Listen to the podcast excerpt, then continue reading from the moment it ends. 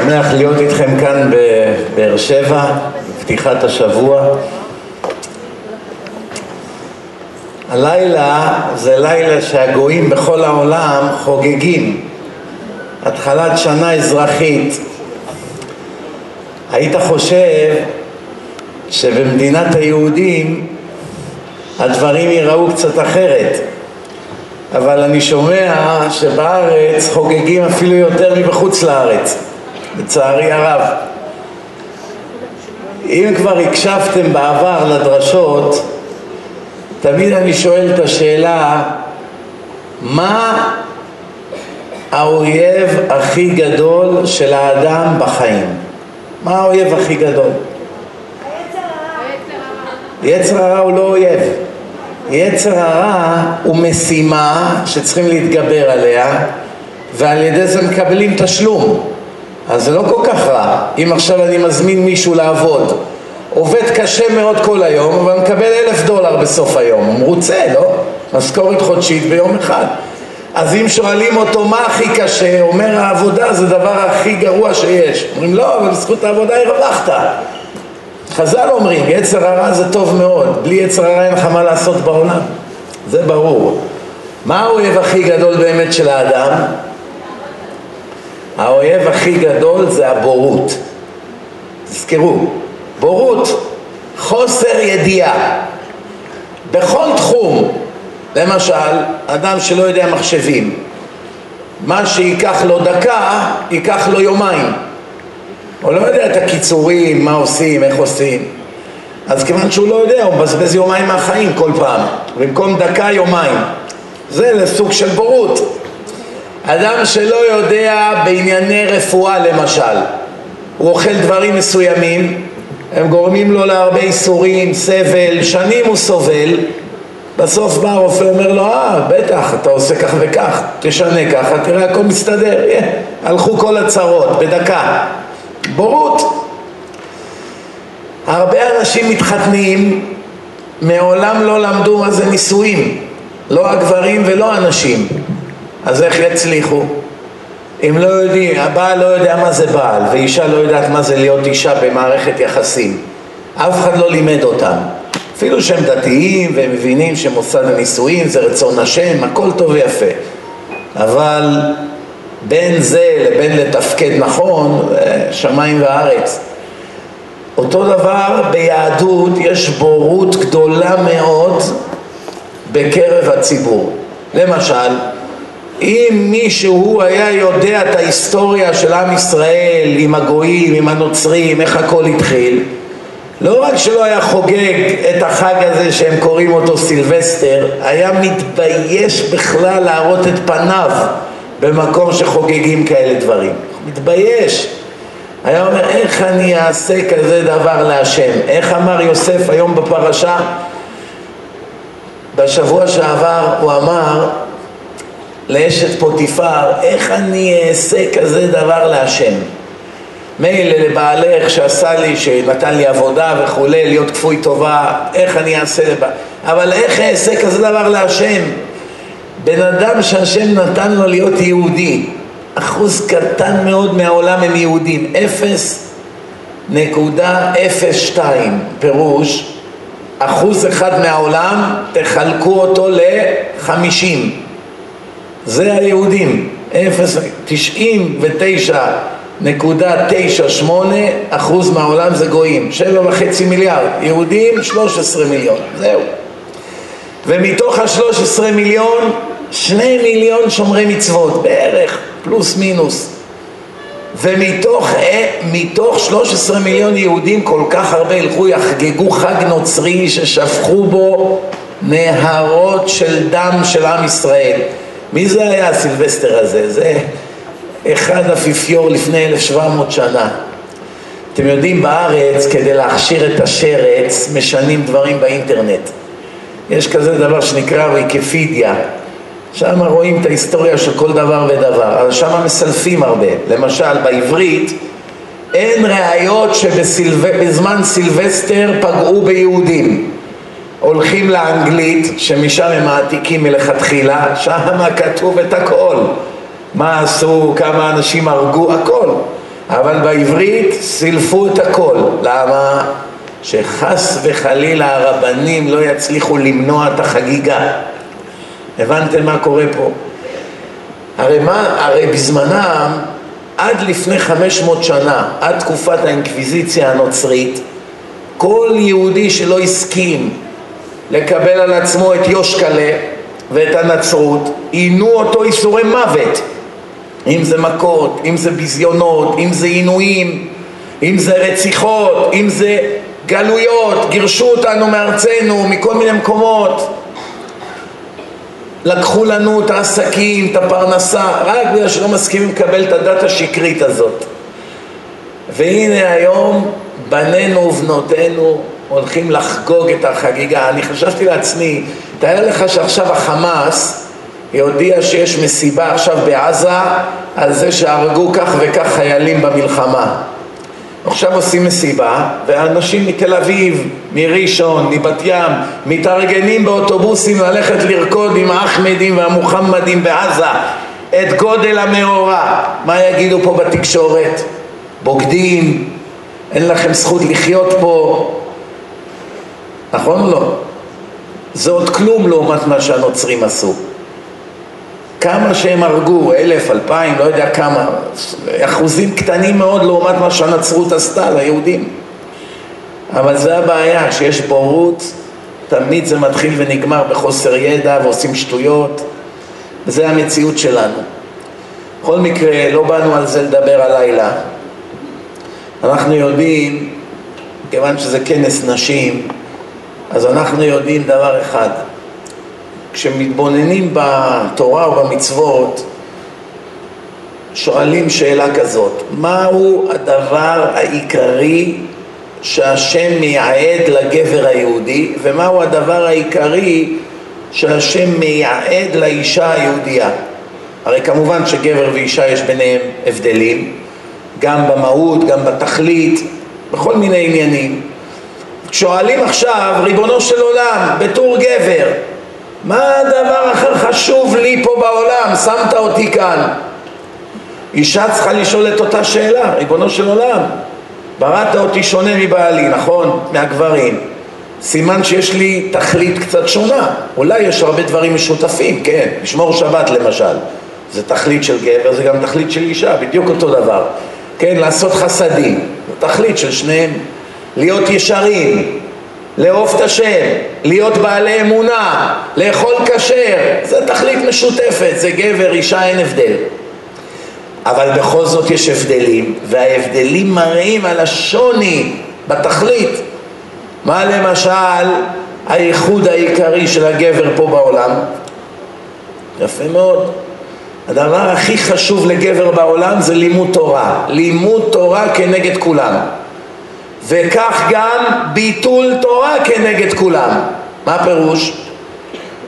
לימוד תורה, שכר הכי גדול. ביטול תורה, עונש הכי גדול. למה? הכל באותו יחס. הרווח הוא גדול, ההפסד הוא גדול. הרווח הוא קטן, ההפסד הוא קטן. ככה זה בכל דבר. מה הדבר הכי חשוב אצל אישה? מה אתן אומרות? מה הדבר הכי קשה לגבר היום בעולם? לימוד תורה. השטן יעשה הכל שלא ילמד. ילך כבר עם זקן, כיפה, שלוש תפילות ביום. תראו שקשה לו לקבוע עיתים לתורה. קשה לו מאוד.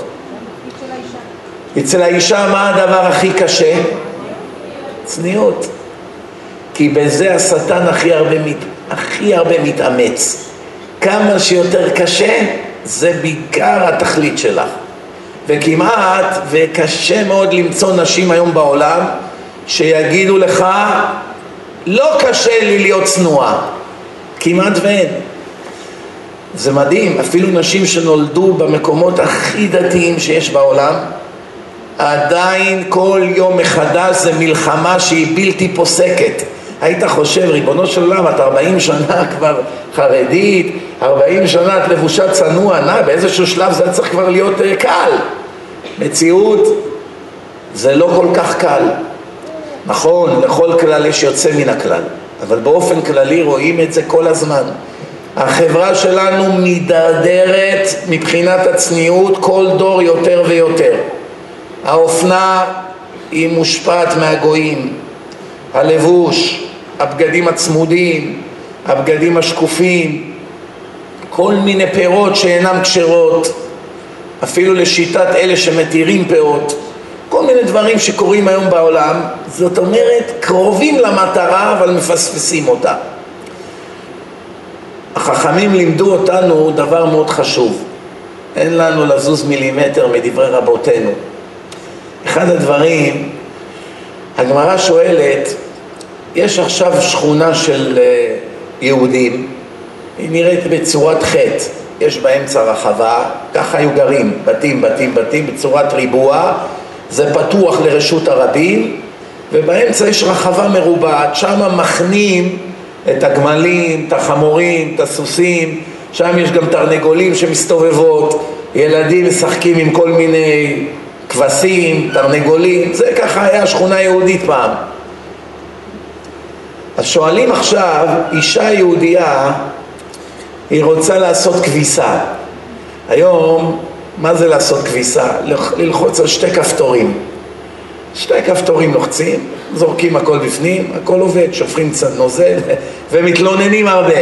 פעם לעשות כביסה זה היה עבודת פרך. קודם כל לקחת את כל הבגדים, לסחוב את זה לאגם, לשטוף את זה באגם, עכשיו זה כבד, זה פי ארבע, פי חמש יותר כבד שזה רטוב. לסחוב את זה על הגב, ללכת כל הדרך חזרה לבית, על ההר, עם לפעמים היה שלג. לא פשוט, עבודה קשה מאוד הייתה. היום זה קל, אבל היום מתלוננים הרבה. למה? התרגלנו, נולדנו למציאות יותר מפונקת. שואלים, עכשיו בת ישראל רוצה לעשות כביסה. יש שתי דרכים לעשות כביסה. אחד, ללכת לנהר, רשות הרבים, פעם אנשים עוברים עם סוסים וגמלים וכולי, או לעשות בור ברחבה של השכנים, רחבה משותפת, לעשות בור בור ככה, לשים קצת טיח בצד, למלא אותו במים ושם לעשות כביסה. עכשיו כל דבר שצריך, שעושים ברחבה משותפת צריכים לבקש את רשות השכנים, כן? למשל אם עושים עירוב חצרות צריכים לעשות עירוב שיוכלו לטלטל מהבית לשכונה, ברחבה שם וכולי חייבים שכל השכנים היהודים ישתתפו. אם למשל יש אחד מחלל שבת, צריכים לשלם לו כמו שמשלמים לגוי. למה? כי מחלל שבת הרי הוא כגוי לכל דבר, הגמרא אומרת, ככה זה הלכה בשולחן ערוך. אם גר גוי בשכונה, צריכים לסחור ממנו את החלק שלו. נגיד שיש עשרים דיירים, כל אחד יש לו אחד חלקי עשרים מהרחבה. ואם אתה לא אחד מאיתנו שומרי מצוות, צריכים לסחור את זה ממך בכסף. ככה עושים במלונות, בסמינרים. באים לאחראי, נותנים לו איזה חמישה שקלים, לא יודע כמה, עשרה שקלים, תן לנו רשות להשתמש בכל רחבת המלון כדי שנוכל לטלטל מהחדרים למלון. למה? כי זה חלקו ברשות הגויים שם. הגויים גם כן מטלטלים שם. אז שואלים, האם האישה הזאת צריכה לבקש רשות אם היא תעשה בלי רשות? זה גזל או לא? הרי למשל אם אתה עובר על אה, גינה של שכן בלי רשות, עובר על הדשא שלו וחוצה לצד השני של הרחוב, זה גזל, מה, מי, מי מתיר לך ללכת ברח, בשטח פרטי? אסור להיכנס לשם, זה השגת גבול. אם אישה תחפור בור עכשיו ותעשה שם כביסה בלי לבקש מהשכנים רשות, מותר או אסור? מה אתם אומרות? אומרים החכמים מותר, אין כאן גזל. למה? שימו לב לתשובה. היעלה על הדעת שבת ישראל תלך לעשות כביסה בנהר? שיסתכלו עליה אנשים קורעת ברך ועושה כביסה ככה במים שעוברים כל הגויים שם על הסוסים עכשיו אני לא צריך לספר לכם שלפני אלפיים שנה בת ישראל התלבשה בערך פי מאה יותר צנוע מהיום בערך. זאת אומרת, מה הבעיה? היא לבושה, היא מכוסה מכף רגל ועד ראש, לא רואים כלום. אז מה הבעיה אם היא תכרע ליד הנהר? מה רואים? רואים כמו אוהל. היא מכוסה מכף רגל ועד ראש, אז מה אתה דואג? זה לא כמו היום, הכל צמוד, מתלבשים לא צנוע. איך אומרים? כאילו, כאילו אני צנוע, כאילו. סתם. אז מה קורה פה? אפילו זה לא יעלה על הדעת. לא ייתכן כזה דבר. וזה הרבה, הרבה לא מבינים היום. אני אומר כזה דבר. יש איזה מלך, והוא אמר לחיילים שלו, כולכם תעמדו כאן בשורה, במסדר, עד שאני אגיע. אני הולך, יש לי כמה סידורים, שאני חוזר, אני רוצה לראות את כולם עומדים. מי שיעמוד את כל הזמן הזה לכבודי, אז אני, איך אומרים, יכיר בחייל הזה כחייל נאמן וכולי, עם כל ההשלכות שבדבר. אז עכשיו אנשים עמדו, שעה המלך לא בא, שעתיים, שלוש, אנשים כבר מתחילים להתעייף. חלק מהחיילים התיישבו, עשרים התיישבו, עוד שעה עברה עוד מאה התיישבו, עוד שעה עברה עוד מאתיים התיישבו. לאט לאט כל שעה מתיישבים עוד, עוד, עוד, עוד, עוד, מתיישבים. כבר עברו עשר שעות, כבר ארבעת אלפים חיילים יושבים, רק אלף עדיין עומדים, עשר שעות עומדים. עברה עוד שעה, עוד שלוש מאות התיישבו, עוד שעה עברה, עוד חמש מאות התיישבו. בסוף נשארו אולי איזה עשרים חיילים עומדים. עומדים ככה, מתנדנדים כבר, קשה להם. עוד עשרה התיישבו. נשארו עשרה עומדים. בדיוק נכנס המלך. אחרי נגיד עשרים שעות, נכנס המלך. כולם כבר יושבים. מי כאן מהחיילים יאכל את הלב הכי הרבה? מכל ה-4,990 חיילים שהתיישבו. מי יהרוג את עצמו מצער? העשרה שהתיישבו לפני חמש דקות. עמדו 19 שעות, שנייה לפני שהמלך נכנס, התיישבו. אלה שהתיישבו בשעה הראשונה מתנחמים, אומרים, טוב, תשמע, לפחות לא עמדנו כמו טמבלים 19 שעות. אבל אלה שעמדו 19 שעות והתיישבו דקה לפני שהמלך נכנס, מורטים את שערותיהם. מה זה שייך עכשיו לסיפור הזה? מי כאן הבינה? מה שייך הסיפור הזה עכשיו? מה מוסר השכל בסיפור? אני אגיד לכם. יש חילוניות מתלבשות לא צנוע, מלכתחילה, בשיטה, לא מעניין אותן. מחטיאות הרבים, יודעות, לא יודעות, יום יום בשיטה. עשרים שנה, שלושים, ארבעים, חמישים, רחמנא לצילן.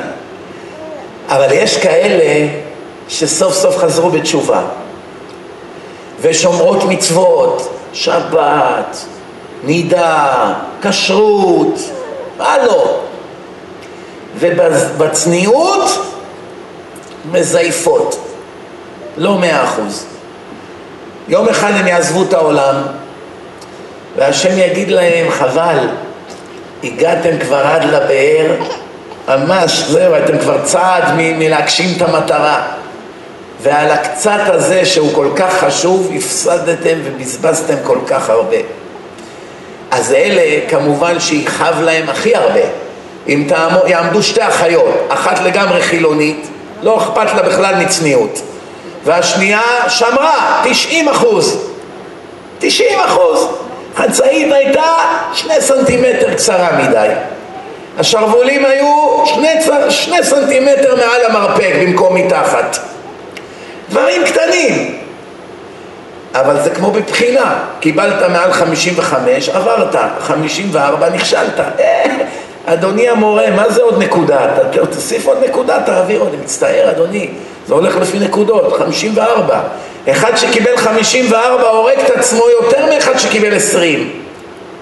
זה שקיבל 20 אומר, זה אני, אני לא יודע כלום, לא למדתי, בסדר, נכשלתי. זה שקיבל 54 הורג את עצמו, עוד נקודה הייתי עובר. חבל, כאב לב. להיות קרובה אל המטרה ובסוף לפספס זה כאב יותר גדול מאחת שהיא לגמרי מסתובבת בפריצות, בשיטה. זה יכאב הרבה יותר. למה היא תגיד, טוב, לפחות עשיתי מה שבא לי. ההיא תגיד, הגבלתי את עצמי, כל יום מלחמות, ובסוף לא עברתי. זה צער נוראי. אותו דבר זה עם הפאות, עם האורך שלהם, אותו דבר זה עם האיפור, אותו דבר זה הכל קצת יותר ממה שמותר, והכל הלך. השאלה היא כזאת, למה זה כל כך חשוב באמת? למה זה כל כך חשוב? למה המצווה הזאת למשל אפילו יותר חשובה משבת? שבת זה אותי ביני וביניכם. מחלל שבת הרי הוא כגוי לכל דבר. אז למה בצניעות זה כל כך חשוב? למה? אז התשובה... נו, יפה מאוד, ברוך השם. יש הבדל בין להיות חוטא לבין חוטא ומחטיא. חוטא זה עשית עבירה, השם רשם, עוד אחת, עוד אחת, עוד אחת, בינך לבין השם, בינך לבין השם, עוד אחת, עוד אחת. זה בסוף מצטבר לאלפים, לעשרות אלפים, למאות אלפים, וזהו. החיים הם לא נצחיים, 70, 80, 90 שנה, ונגמר. ואז עכשיו יש לכל אחת כך וכך עבירות שהיא עשתה בחייה. תוריד מזה את הימי כיפור שהיא עשתה לה הרבה מזה תשובה, על חלק היא כבר קיבלה עונשים בעולם הזה, אז יכול להיות שהיא מגיעה לשמיים במצב לא כל כך נורא. זאת אומרת, הרבה עבירות אמנם היא עשתה, פה אחת, שם אחת, אבל בסופו של דבר הרבה התנקה כבר. איסורים, צרות, לידות, צער גידול בנים, היא נתנה צדקה, היא עשתה חסדים, ימי כיפור, איך אומרים? מצבה עדיין לא כל כך נורא. אבל יש דבר אחד שמחסל אותה טוטלית ואין על זה שום מוצא, אין, אין על זה פתרון. אם היא עברה מקטגוריה של חוטאת לחוטאת ומחטיאה, זאת אומרת עכשיו בחוסר צניעות שלה אחרים מסתכלים עליה ואז ממילא היא אוגרת כל יום אלפים של אלפים של עבירות שאין לה בהם בעצם שום עניין. זה שהיא רוצה קצת תשומת לב ולהיראות יפה וכולי, בסדר. אבל ודאי ובוודאי שהיא לא חלמה שעל כל יום שהיא מסתובבת ברחוב יגיע כך וכך אלפים של עבירות כפול 40-50 שנה שהיא הסתובבה בחוסר צניעות. זה כבר טרגדיה. כי עכשיו היא מגיעה לשמיים, אומרים לה תראי שבת היית מצוינת, כשרות מצוינת, חסדים ברוך השם, יושר מצוין, אמונה מצוין, הכל הכל, כמעט הכל מאה אחוז. דבר אחד הרס הכל. יש לך מאה מיליון עבירות. מה? מאה מיליון עבירות, חצי יום אני בתהילים כל יום חצי יום חצי יום קוראת את כל הספר. איך מאה מיליון עבירות? רק על הדבר הזה רבותיי. זה רק על הדבר הזה, אני אגיד לכם למה זה דומה. יש אדם, יש לו אלף חנויות. אלף. 999 מהם רווחיות. החנות הזאת מרוויחה 5,000 שקלים. החנות הזאת עשרת אלפים שקלים, החנות הזאת עשרים אלף שקלים כל חנות מכניסה לו הכנסה, אלף שקלים, חמשת אלפים, עשרת אלפים, בסופו של דבר סכום יפה, 999 חנויות, היתרה שלהם פלוס כל חודש. חנות אחת מפסידה בטונות, מיליונים של שקלים כל חודש. מי שנראה כלפי חוץ אומר, וואו, איזה טייקון הבן אדם הזה, תראה 999 חנויות יש לו וכולם רווחיות. אבל יש חנות אחת, לא רק שהיא מפסידה לו את הכל, עוד היא מכניסה אותו למינוס כל חודש. מישהו אכפת לו שיש לו 999 חנויות רווחיות? מה יגידו לו, טיפש? למה לא סגרת את החנות הזאת? לא יכולתי. לא יכולתי, קשה לי, כבוד הרב, קשה לי. קשה לי. קשה לך, קשה לך. זה המחיר עכשיו, אתה במינוס של כך וכך מיליוני שקלים. איך תתקן את זה עכשיו? זה בדיוק המצב עם הצניעות. שבת מרוויחה, אה, כשרות מרוויחה, חסדים מרוויחה, תהילים מרוויחה, תפילה מרוויחה, גידול ילדים לתורה מרוויחה, הרבה. מרוויחה הרבה רווחים. דבר אחד מוחק כמעט את הכל ועוד מכניס אותה למינוס. ועל זה השטן מכשיל את רוב בנות ישראל. אני מדבר על הדתיות. חילוניות, הן בכלל לא מבינות למה הן חיות. אז מה אתה מצפה מהן להתלבש צנוע? אין להם... שאל אותה עכשיו, תגידי מירי, מירי משנקין, מה תכלית החיים? לבלות. מסיבות, חברים, טיולים. מה יש לה בחיים? כלומר, מה גידלו אותה להבין מה זה תכלית החיים? היא לא מבינה, אז מה אתה, מה אתה יכול לבוא לתת לה מוסר על חוסר צניעות? אתה נראה משוגע בעיניה. מה הוא מבלבל לזה? מה? מה, אני לא צנועה? מה הוא מבלבל? לא, אפילו אין להם את ההבנה. החכם בן ציון אבא שאול זצ"ל, הוא פעם נתן דרשה, הוא אמר כל החרדים חושבים שכל הצרות של עם ישראל בא מהחילונים. ואני אומר לכם, כמעט הכל בא מהחרדים. ככה אמר חכם בן ציון, הרבה שנים. היום זה על, על אחת כמה וכמה. אם הוא אמר, הוא כבר מעל עשרים שנה, אני חושב, מאז שנפטר והוא אמר את זה מסתם כמה שנים לפני, אנחנו מדברים כמעט שלושים שנה הוא אמר את זה. אין מה להשוות שלושים שנה להיום, כן? הוא אמר את זה אז, ואז הוא הסביר, הוא אומר, חילונים אמנם זה כמות יותר גדולה של אנשים, וזה כמות ענקית של עבירות, אבל מהם הקדוש ברוך הוא לא מצפה כלום. כלום, הוא יודע איפה הם גדלו, הוא יודע, הם לא מבינים שום דבר, הם מעולם לא קראו את התורה, הם לא יודעים אפילו מה זה שולחן ערוך, אם שואלים אותם מה זה שולחן ערוך הם חושבים שזה ספר בישול, כן? הם לא מבינים, אין להם את היכולת להבין א' ב'. אז ממילא הם עושים המון עבירות, אבל רוב העבירות שלהם נובעות, כמו שאמרתי קודם, מבורות. אבל החרדים יודעים טוב מאוד. למשל, הדתיות, מה, הן לא יודעות מה זה צניעות? אני בטוח שכבר שמעתם את מה שאמרתי פה לפחות מאה פעם, לפחות. הן לא יודעות מה זה שבת, הן לא יודעות מה זה לשון הרע, הן לא יודעות מה זה כל מיני דברים אחרות שהן עושות לא כשורה, כולם יודעים. אותו דבר הגברים, מה הגברים לא יודעים שאסור לבטל תורה? גברים לא יודעים שאסור לדבר לשון הרע? גברים לא יודעים שאסור שנאת חינם? גברים לא יודעים שצריכים להתפלל כמו בן אדם? לא יודעים, כולם יודעים. לעשות ביודעין שזה מכעיס את השם, פעולה אחת כזאת יכולה להיות שווה לאלפים של אחד שאין לו בזה השגה בכלל. ולכן אף על פי שכמות החרדים היא הרבה יותר קטנה הם מכעיסים את השם הרבה יותר מהחילונים. למה הדבר דומה? אבא אחד יש לו, יש לו עשרה בנים.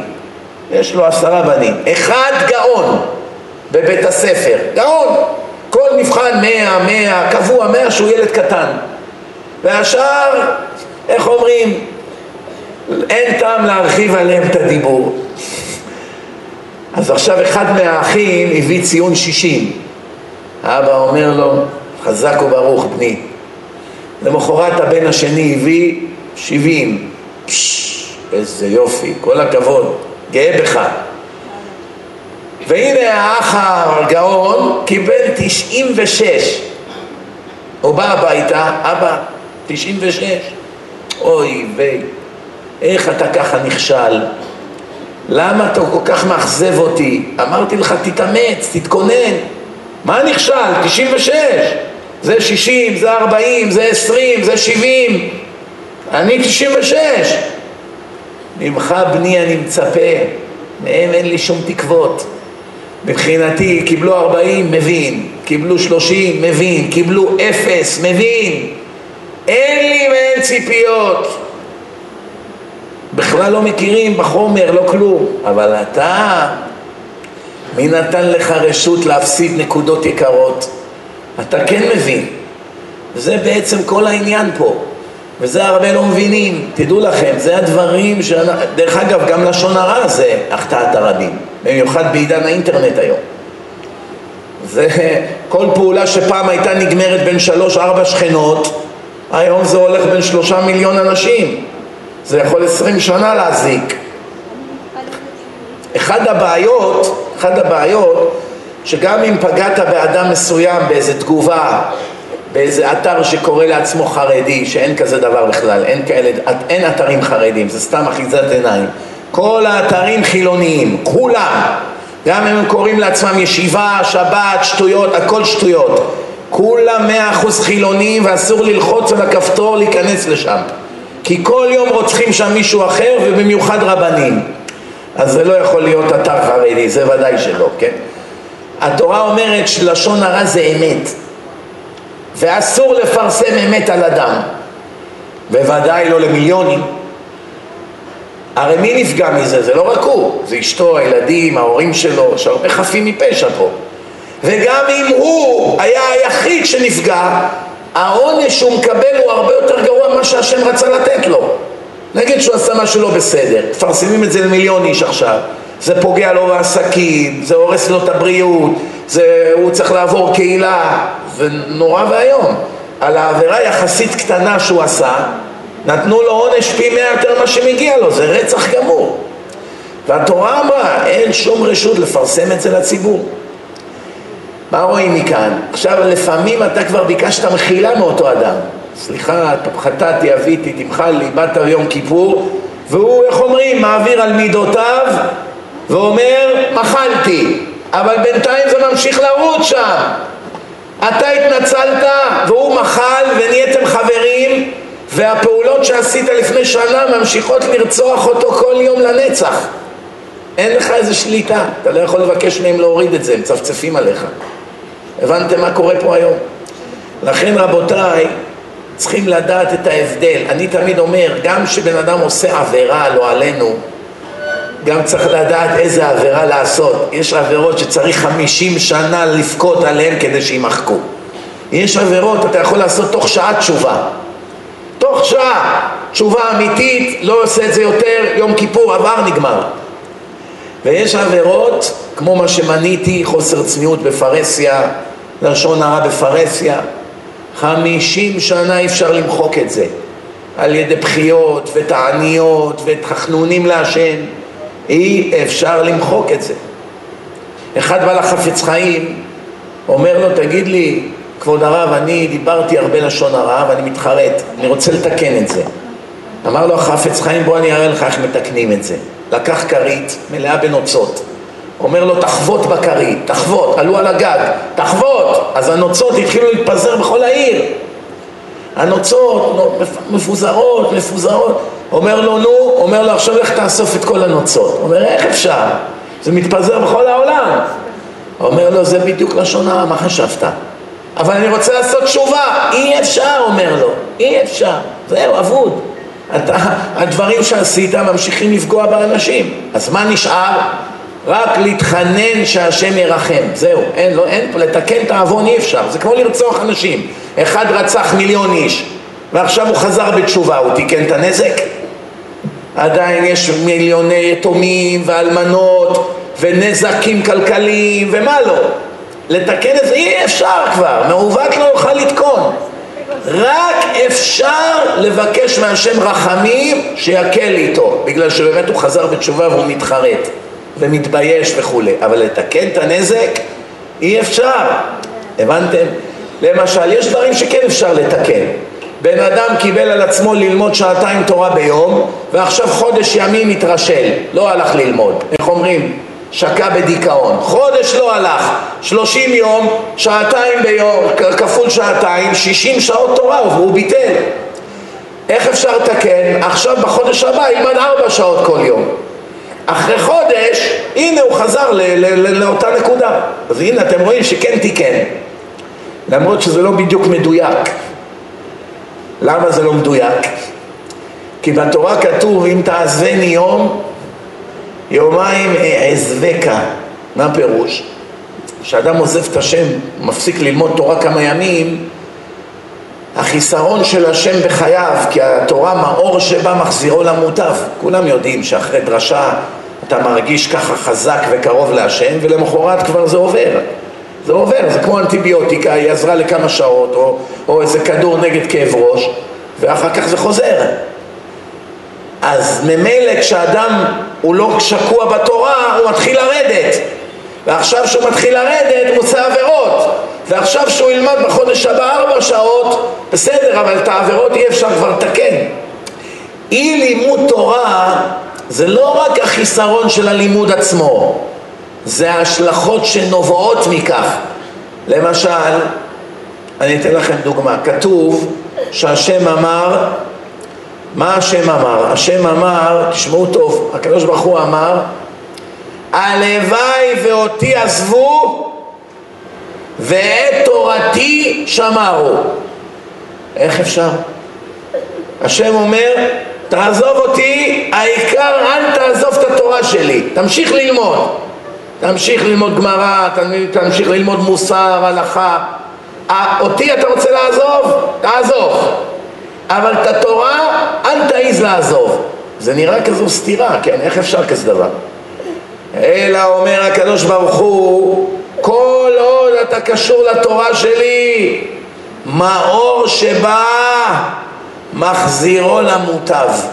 זאת אומרת, אין מציאות כזאת שהתורה לא תדחף אותך חזרה ישר למסלול. יש שתי מושגים בתשובה, צריכים לדעת את זה. יש את שיטת הרמב"ם ויש את שיטת רבנו יונה. שיטת הרמב"ם היא יותר תקיפה, שיטת רבנו יונה היא יותר מקלה. מה ההבדל ביניהם? תשמעו טוב, הרמב"ם אומר בהלכות תשובה, מה זה נחשב בעל תשובה? אז קודם כל הוא מביא דוגמה לאדם צעיר שכוחו במותניו ויש לו חברה והוא מאוהב בה והיא מאוהבת בו ועכשיו הוא סוף סוף גילה את האמת ונפרד ממנה והלך לישיבה ללמוד כמה תקופה מסוימת ועכשיו הוא חוזר לעיר אחרי כמה חודשים שלמד תורה ונפגש איתה. והיא מציעה לו לבוא לכוס קפה. והוא אומר אני מצטער, אני חזרתי בתשובה, אני הייתי בישיבה נעים מאוד היה להכיר אותך, לראות אותך, ברוך השם את בריאה, שלום ואומר הרמב"ם, לא שהוא לא הלך איתה בגלל שהוא נהיה זקן או חסר אונים או כל מיני, אלא הוא באהבתו אליה, הוא בשיא התאווה והאהבה, אבל נהיה לו יראת שמיים, והיראת שמיים התגברה על התאווה ומנעה ממנו ליפול בחטא, בעוון. הרי זה בעל תשובה גמור. הרמב"ם הביא את אחת הדוגמאות הקשות ביותר, שזה עריות, שהרבה נכשלים בזה. והרמב"ם אמר, אם הוא עמד בניסיון הזה, כל שאר הניסיון, הניסיונות זה בדיחה לעומת זה.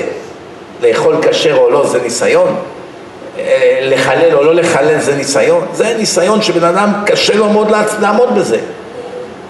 אם עמדת בזה, ממילא אתה יכול כבר לעמוד בהכל. אז הרמב"ם קורא לו בעל תשובה גמור. טוב, אבל הרמב"ם גם אומר עוד דבר, עד שיעיד עליו יודע תעלומות. מי זה יודע תעלומות? הקדוש ברוך הוא, אין עוד יודע תעלומות מלבדו, רק הוא יודע את כל התעלומות, כן? עד שיעיד עליו יודע תעלומות שהוא פרש מהחטא, שהוא בעל תשובה, אז הוא נחשב בעל תשובה. זה שיטת הרמב"ם. שיטת רבנו יונה, כתוב בגמרא, עושים תשובה ונגאלים. עושים תשובה ונגאלים. מה זה עושים תשובה? בלשון הווה. זאת אומרת, אנחנו באמצע התהליך. בתורה כתוב, ושבת עד השם אלוקיך ושמעת בקולו. ושבת עד השם אלוקיך ושמעת בקולו עד השם אלוקיך, לא חצי דרך, לא רבע, all the way, כל הדרך עד השם. אבל רבנו יונה מחדש חידוש גדול מאוד, מה הוא אומר? הוא אומר, עושים תשובה ונגאלים פירושו מתייצבים על דרך הישר. ירדת מהדרך, עלית חזרה על הדרך לכיוון השם. אף על פי שאתה עוד רחוק מאוד מהשם, בכל זאת, כיוון שעלית על הדרך. עושים תשובה, עושים תשובה ונגאלים. מה הפירוש? עצם זה שעלית עכשיו לכיוון הנכון, נכנסת לכביש הנכון, לכיוון היעד, אפילו שעד עכשיו טעית והיית בכיוון אחר, כיוון שכבר סוף סוף התייצבת על דרך הישר, אתה כבר נחשב בעל תשובה, שומעים? אתם הבנתם את החידוש פה? אני אתן לכם משל, תבינו. אנחנו הלילה פה בבאר שבע. אדם עכשיו מתל אביב היה צריך לנסוע לחיפה, לצפון. בטעות עלה על הכביש לדרום, הגיע לבאר שבע. בבאר שבע הוא שואל איזה מישהו, תגיד לי, איפה זה חיפה פה? אומר לו, מה חיפה? אתה רחוק מחיפה ארבע שעות. אומר, מה? אמרו לי שזה שעה וחצי נסיעה מתל אביב. אומר לו, אני לא מבין תל אביב, אתה הגעת לכיוון ההפוך, אתה עכשיו שעה וחצי הפוך. אתה צריך שלוש-ארבע שעות להגיע לחיפה. ההוא אומר, טוב, טעיתי, עושה פרסה, נכנס לכביש לכיוון חיפה. מתי מצבו יותר חמור? ברגע שהוא עלה בתל אביב לכביש לכיוון דרום, באותה שנייה שהוא היה שעה וחצי מחיפה, או עכשיו שהוא הגיע לבאר שבע והוא שלוש וחצי שעות מחיפה. מתי מצבו יותר חמור? מתי הוא היה יותר קרוב למטרה? כשהוא היה בתל אביב או כשהוא הגיע לבאר שבע? כשהוא היה בתל אביב, נכון? מחדש לנו רבנו יונה לא נכון. כשהוא היה בתל אביב באמת הוא היה יותר קרוב לחיפה, זה ברור, שעה וחצי. ועכשיו הוא שלוש וחצי שעות. אבל לפחות עכשיו הוא הבין מהי הדרך. שמה הוא אמנם היה קרוב, אבל הוא עלה לכיוון הנגדי. זה רק עניין של זמן עד שהוא התרחק מאוד מהשם. פה לפחות הוא הבין מה הטעות, ועלה על הדרך לכיוון השם. ומה קרה עכשיו אם פתאום חסמו את הכביש? מבאר שבע לחיפה, לא יודע, קרה משהו, תאונה לא עלינו, חסמו את הכביש, לא הגיע לחיפה. לא נורא. למה? ביהדות יש יסוד חשוב מאוד. לא עליך המלאכה לגמור. אתה צריך לעשות את כל ההשתדלות שלך והשאר הוא כבר לא בידיך. עלית לכיוון האמת, לכיוון השם, עלית על הרכבת, עלית על הרכבת, נפטרת באמצע, לא זכית לגמור את כל התהליך. מבחינתי אתה אנוס. היית בדרך הנכונה, זה היה רק עניין של זמן. זה יסוד חשוב מאוד רבותיי שהרבה לא יודעים אותו. ולכן הרבה מתייאשים. בן אדם למשל אומר אני חזרתי בתשובה נפלתי. חזרתי נפלתי. חזר די נמאס! לא נעים כבר מהשם לא נעים! לא נעים. אין כזה דבר לא נעים אפילו אלף פעם כל עוד אתה חוזר כל פעם להשם, סימן שעוד לא, לא נכשלת, עוד לא ויתרת. הכל, כל עוד אתה משתדל, אתה בדרך הנכונה. ברגע שוויתרת, איך אומרים, הכל, הכל ירד לטמיון. עד כאן יש שאלות על מה שדיברנו? בבקשה. בקול רם. ירידות ועליות ודאי, זה חלק מהחיים. כתוב שבע יפול צדיק וקם, אפילו הצדיקים הגדולים נופלים, כן? אלא ודאי שהאנשים שהם פחות צדיקים אז הם נופלים הרבה יותר, כן? לכן אסור להישבר בדרך. יש שאלות לגבי מה שעד עכשיו דיברתי או אפילו בעניינים אחרים? כן.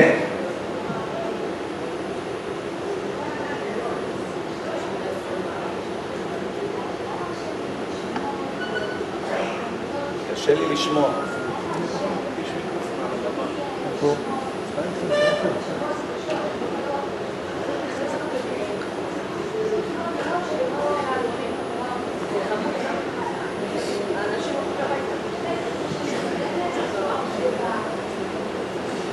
למה השם הביא נשמות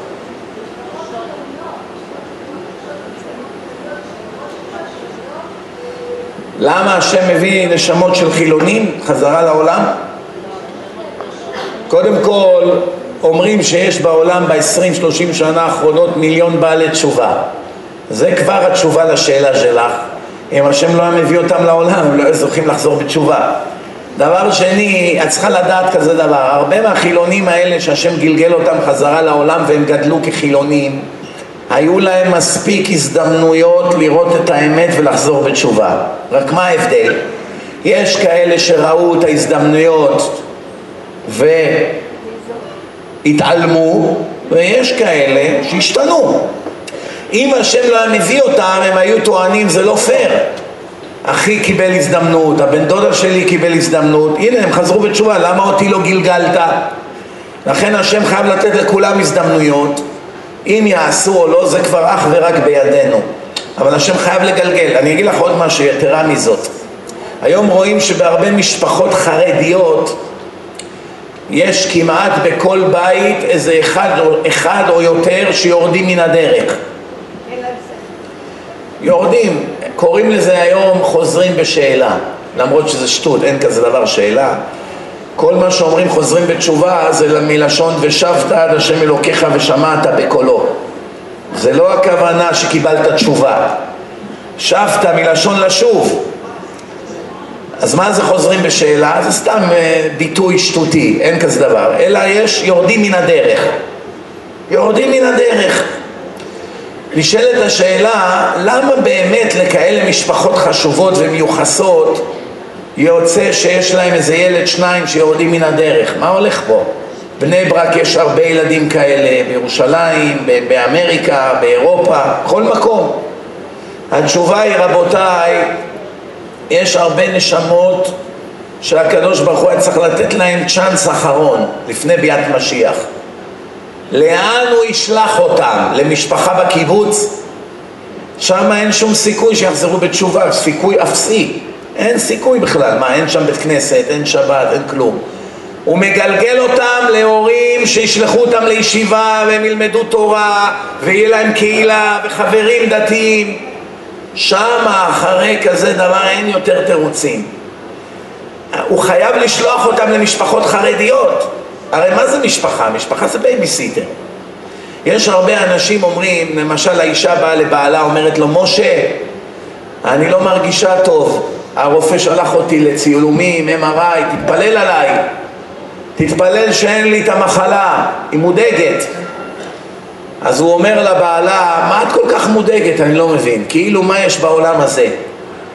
אפשר לחשוב שזה איזה מציאה העולם הזה.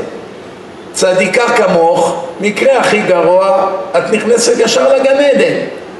הוא לא בדיוק דיפלומט, כן? הוא חושב שהוא מנחם אותה, כן? אז ישר היא נלחצת, מה? מה? אז עוד יותר היא בלחץ עכשיו. אז הוא אומר לה, אני לא מבין, למה את פוחדת? זה לא שאת עכשיו מחללת שבת או מסתובבת בחוסר צניעות. את צדיקה, לא? אבל מה יהיה על הילדים? ישר היא עונה את התשובה הזאת. מה, אני לא אראה את הילדים מתחתנים? אני לא אגדל אותם? מה? מי ידאג למוישי, לאברהמי, לכל הילדים האלה? נכון? ככה האישה חושבת.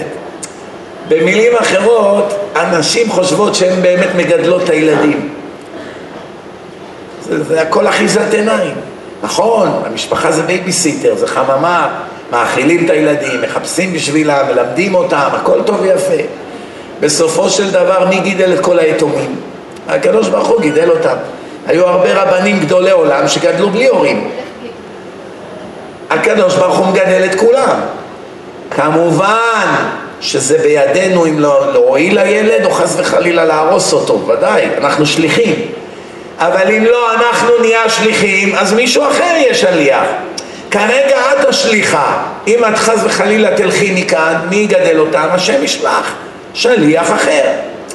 יש אנשים באמריקה שבית המשפט לקח להם את הילדים. למשל, האישה השאירה את הילד באמבטיה והוא פתח את המים רותחים. היא שמה אותו באמבטיה עם כמה צעצועים, היא קיבלה איזה טלפון, הלכה לענות לטלפון, ילד קטן בן שנה, הוא סבב את המים החמים, הוא לא יודע עכשיו לסגור את זה. הוא צורח באמבטיה, זה בתים גדולים, היא לא שומעת, נהיה לו כוויות חמורות. באו מרשויות הרווחה, הגישו נגדם תלונה, באים, לוקחים להם את כל הילדים. נגיד יש להם חמישה ילדים, אומרים הורים כאלה הם לא מוסמכים לגדל ילדים, זו סכנה. מה עושים? אם זה משפחה חרדית, אז העורך דין בא אומר לשופט, כבוד השופט, לפחות אם אתה מפריד את הילדים מההורים, אלה ילדים חרדים שהולכים לישיבה, תכניס אותם למשפחות חרדיות. בדרך כלל הם מסכימים, אין להם עניין ל... לענות את הילדים. הם כביכול באים להגן על הילדים מהורים חסרי, חסרי זהירות, כן? כביכול לתועלת. גם זה מאת השם. למשל, אני ראיתי מקרה כזה, זוג דתיים לא מציע בלשון המעטה. קרה להם איזה משהו, לקחו להם את הילדים, העבירו את זה לאיזה משפחה חרדית אשכנזית. וגידלו שם את הילדים להיות רציניים בדת, לא חפיף. אם היו נשארים אצל הזוג הזה, היו יוצאים לפחות 50 אחוז חילונים, לפחות, במקרה הטוב. יצא פה מעשה שאומנם האישה בוכה, לקחו לה את הילדים והם בקושי מבקרים אותם פעם בשבועיים, כל מיני כאלה בעיות. תכלס, אם היא באמת הייתה צדיקה, היא הייתה צריכה להגיד השתבח שמו, תודה שלקחת אותם לחרדית ההיא, תראה איך היא מגדלת אותם. אני לא, לא דתייה כמוה מספיק. לפחות מגדלים את הילדים שלי להיות צדיקים. יום אחד הם יהיו בני שמונה עשרה, הם כבר יבחרו איזה אימא להיות, כן, יחזרו הביתה. אבל לפחות גידלו אותם נכון. רק אדם הוא אגואיסט. למשל, אימא שהבן שלה נוסע עכשיו לישיבה באמריקה, הוא נוסע לישיבה בירושלים, לשישה חודשים הוא לא יהיה עכשיו בניו יורק. היא עומדת בשדה תעופה והיא בוכה, אה, מה, מה את בוכה? אני מתגעגע אליו, אבל הוא הולך לישיבה הכי טובה בעולם, תשמחי. על מי היא בוכה? על עצמה. יש כאלה נשים שמנעו מהבנים שלהם ללכת לישיבות טובות. למה? שיישאר לידי. קשה לי בלעדיו. אבל מה עם טובת הילד? לא כל כך רואים את טובת הילד. אני רוצה לסיים. יש עוד ניסיון קשה מאוד בדור הזה, גם לגברים, גם לנשים. כיוון שכאן כולם נשים, נתמקד בעניין של הנשים. חיי הנישואין זה לא מציע בלשון המעטה, יש הרבה בעיות, שלום בית כמעט בכל בית, בעיות של שלום בית, בעיות קשות בשידוכים, קשה למצוא שידוכים טובים. הרבה מהחתונות עכשיו החדשות לא מחזיקות מעמד אפילו שנה. המצב הוא נורא. בשוק, במוסד הנישואים, על החילונים אני בכלל לא מדבר, איך אומרים, השם יצילנו מה הולך שם. אני מדבר על משפחות שרוצות לעשות את רצון השם. בחורה חרדית, בחור חרדי, יהיו בישיבה, היא הייתה במדרשייה, מתחתנים, זה אמור לעבוד, משהו פה לא בסדר, איך זה יכול להיות שזה לא עובד? בהרבה מקומות זה לא עובד. תדעו לכם, יש כאן אנשים שמסתם יש להם ילדים פה בתקופת שילוחים או בקרוב. אחד הבעיות היום זה שאנשים נכנסים לשידוכים בלי ידיעה מה זה. גם בנים, גם בנות. הוא יודע ללמוד גמרא, יפה מאוד. הוא יודע הלכה, יפה מאוד. דרך ארץ, גם נגיד שיש לו. גם היא אותו דבר, היא יודעת צניעות, שבת, בישולים, הלכות, בסדר, יודעת. לא לימדו את הבחורה מה זה נישואים, ולא לימדו את הגבר מה זה נישואים. סתם מדביקים אותם. את מוצא חן בעיניך? כן. מוצא חן בעינייך? כן. יאללה, בסדר. מתאים, משפחות טובות. זה לא עובד ככה, רבותיי. אי אפשר להיות מכונאי בלי ללמוד איך מתקנים מכוניות. אי אפשר להיות רופא שיניים בלי ללמוד ולהשתלם. אי אפשר להיות רופא עורך דין, כל הדברים, בלי ללמוד כמה שנים. אי אפשר להיות אישה במערכת יחסים בלי ללמוד מה תפקידה. הרבה לא יודעים את זה. רוב הבעיות בנישואים היום עניינים של מידות רעות. כעס, אגו, עצלנות, חוסר סבלנות, אנוכיות, זה הורס את הנישואים, גם אצל הגבר, גם אצל האישה. אבל יש עוד סיבה.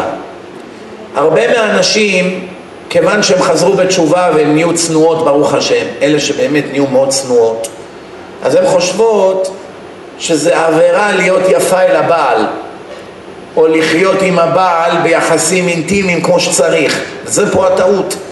כי הרבה פעמים שמתחתנים הדתיים, הם חושבים, בהשפעת הנצרות כמובן, שזה דברים שאסור לעשות, כלומר אנחנו ביחד וזה, זה לא צנוע, זה לא... הפוך, השם אמר בין בעל לאישה, הוא רוצה שתהיה אהבה ואחווה ושלום ורעות ואינטימיות ומחמאות ושיהנו אחד מהשני, זה הרבה לא מבינים. כיוון שלא מדריכים אותם נכון ומתעלמים מגמרות ומהלכות של גדולי ישראל שדיברו בנושא הזה, הרבה פעמים החבילה לא מחזיקה מעמד, כי באים אחר כך הגברים ואומרים, שמע, אני אומלל. יש לי אישה צדיקה הכל, אבל היא לא אישה. והיא אומרת הפוך לפעמים. יש לי בחור מתמיד, תלמיד ישיבה, כל היום עמל בתורה, אבל הוא לא בעל. ואז מכאן לכישלון, הדרך היא מאוד מאוד קצרה. אני אספר לכם דוגמה למה אני מתכוון. פעם היו אצלי זוג בשבת, הבחור היה מתמיד כל היום לומד תורה. זוג נשוי. אך אני ראיתי שכל השבת הפרצוף של אשתו, איך אומרים? תשעה באב. אמרתי, מעניין. מוצאי שבת, ראיתי שהיא כזה עומדת לדבר איתי, אבל היא מהססת. קלטתי. אמרתי לה, הכל בסדר? אומרת, אני יכולה לשאול אותך שאלה? היא בדיוק יצאה לשים את הדברים באוטו. אמרתי לה, כן. היא אומרת, אולי תדבר איתו. אמרתי לה, היא אומרת לו, אין, אין בינינו שום יחסים. הוא לא נוגע בי יותר, שום דבר. הוא כל היום בספרים, בגמרא, הוא בא מאוחר הביתה, אני כל הזמן לבד. אמרתי, מה, רבתם? היה ביניכם איזה ריב? לא. מה, אתם כבר לא אוהבים אחד את השני? לא, הכל, הכל בסדר. אז מה קרה? לא יודעת, תשאל אותו. אמרתי, טוב, פניתי אליו, אתה תגיד, מה הסיפור איתך? אשתך לא מוצא חן בעיניך יותר? אומר לו, למה? הכל אותו דבר? כן. אתה מרוצה ממנה? כן. בתור אישה, אתה מרוצה ממנה? בטח. אז איך זה יכול להיות שאתה לא מראה לה שום אהבה, שום כלום? מה, מה זה פה? של מה, מה זה נישואים? הוא מסתכל עליי, אומר לי, אני אגיד לך את האמת, מרוב שאני שקוע בגמרא, זה הרס לי את כל התאווה ליחסי אישות. התורה ממיסה את היצר הרע. כל כך התורה הורידה לי את היצר הרע, שאין לי לזה שום משיכה יותר. אמרתי לו, זה מצווה הבאה בעבירה, זה לא מצווה. כל התורה הזאת שאתה לומד היא נגד רצון השם. כי הרי חתמת בכתובה שלושה דברים אתה חייב להתחייב לאשתך, נכון? אחד, בית, מקום לגור. שניים, בגדים, אוכל, כל מה שצריך, כן? ושלוש, יחסי אישות. זה כתוב בכתובה, חתמת עם עדים. אז עכשיו עצם זה שאתה לא מקיים את מה שחתמת, בעצם מה שקורה פה, אתה עושה נגד, נגד מה שאתה מחויב. נכון שללמוד תורה זה מצווה חשובה מאוד. אבל דוגמה, אם אני הייתי צריך עכשיו לקנות גמרות ללמוד תורה, מותר לי ללכת לגנוב ממכנסיים של איזה מישהו במקווה 200 שקלים, ללכת לקנות גמרא ולשבת ללמוד? איזה מין מצווה זאת? להיות גנב בשביל ללמוד תורה? זה מצווה הבאה בעבירה, מצווה הבאה בעבירה, אינה מצווה. קיצור, השארתי לו קצת את הראש, הוא הבין עניין, אחרי איזה כמה שבועות, היא אמרה, תודה רבה, הכל נפלא. בן אדם הבין, בחור צדיק, אבל לפעמים בן אדם הוא לא מבין מה זה מוסד הנישואים. אותו דבר נשים. גם אצל אישה זה ככה. למשל, נשים, לא יודע איך זה בארץ, אבל באמריקה בדרך כלל זה ככה. בבית שמטה, מכל היום, ילדים, בישולים, השיער ככה, והכיסוי ככה, ושמן של החצילים על כל הפנים, ואני יודע מה, לא היה לה זמן להתרחץ אתמול וזה, ובעלה חוזר אחרי יום עבודה. הוא עכשיו ככה, טוב, זה כבר יום, יומיים, חודש, שנה, זה כבר הולך ככה תקופה די ארוכה. אבל כשהיא יוצאת עכשיו לסופרמרקט לקנות שתי עגבניות, רבע שעה היא מתגנדרת. מחליפה, שמה את הפאה, איפור, ג'קט, בסך הכל הולכת לסופרמרקט לקנות כמה עגבניות. היא מגיעה לשם, כל הספנישים, ה amigos, oh, good evening, madam, כן, וזה, הלכה עושה תצוגת אופנה בסופרמרקט, חוזרת לשמטה. הכל הפוך. כשהולכת לסופרמרקט, בסדר, נו מה, עכשיו שבעלך בא הביתה, חיוב מהתורה, מה זה פה? איך הגמרא אמרה, דיין שמצילות אותנו מן החטא. היו רבנים שהיה להם נשים רעות מאוד, מבחינת אישיות. שאלו אותם התלמידים, איך זה שאתה לא מגרש אותה? מבזה אותך, חוסר כבוד, מה זה? מה אמרנו? דיין שמצילות אותנו מן החטא. מספיק שיש לי אותה בתור אישה מצילה אותי מהחטאים ומגדלת את הילדים, אין לי כבר מה להתלונן. בסדר, אז זה לא מושלם, אז מה? לא הכל מושלם. אני רוצה לסיים, קודם כל תודה רבה. שיהיה לנו חודש טוב, בעזרת השם. וזה לא חוכמה רק לבוא ולהקשיב לדרש. יש לכם כאן דיסקים, אתם יכולות לקחת ביציאה דיסקים, זה לא תשלום. אבל לא מספיק רק לבוא לדרשות, עיקר העניין ליישם את מה ששומעים, ליישם, ליישם, אם זה בצניעות, אם זה במה שדיברנו עכשיו, דיברנו על שלושה ארבעה נושאים, ליישם את זה. מי ששומע, שומע, שומע ולא מיישם, מה הרווחנו בדבר? החוכמה היא להשתנות. תודה רבה לכם, שבוע טוב, כל טוב.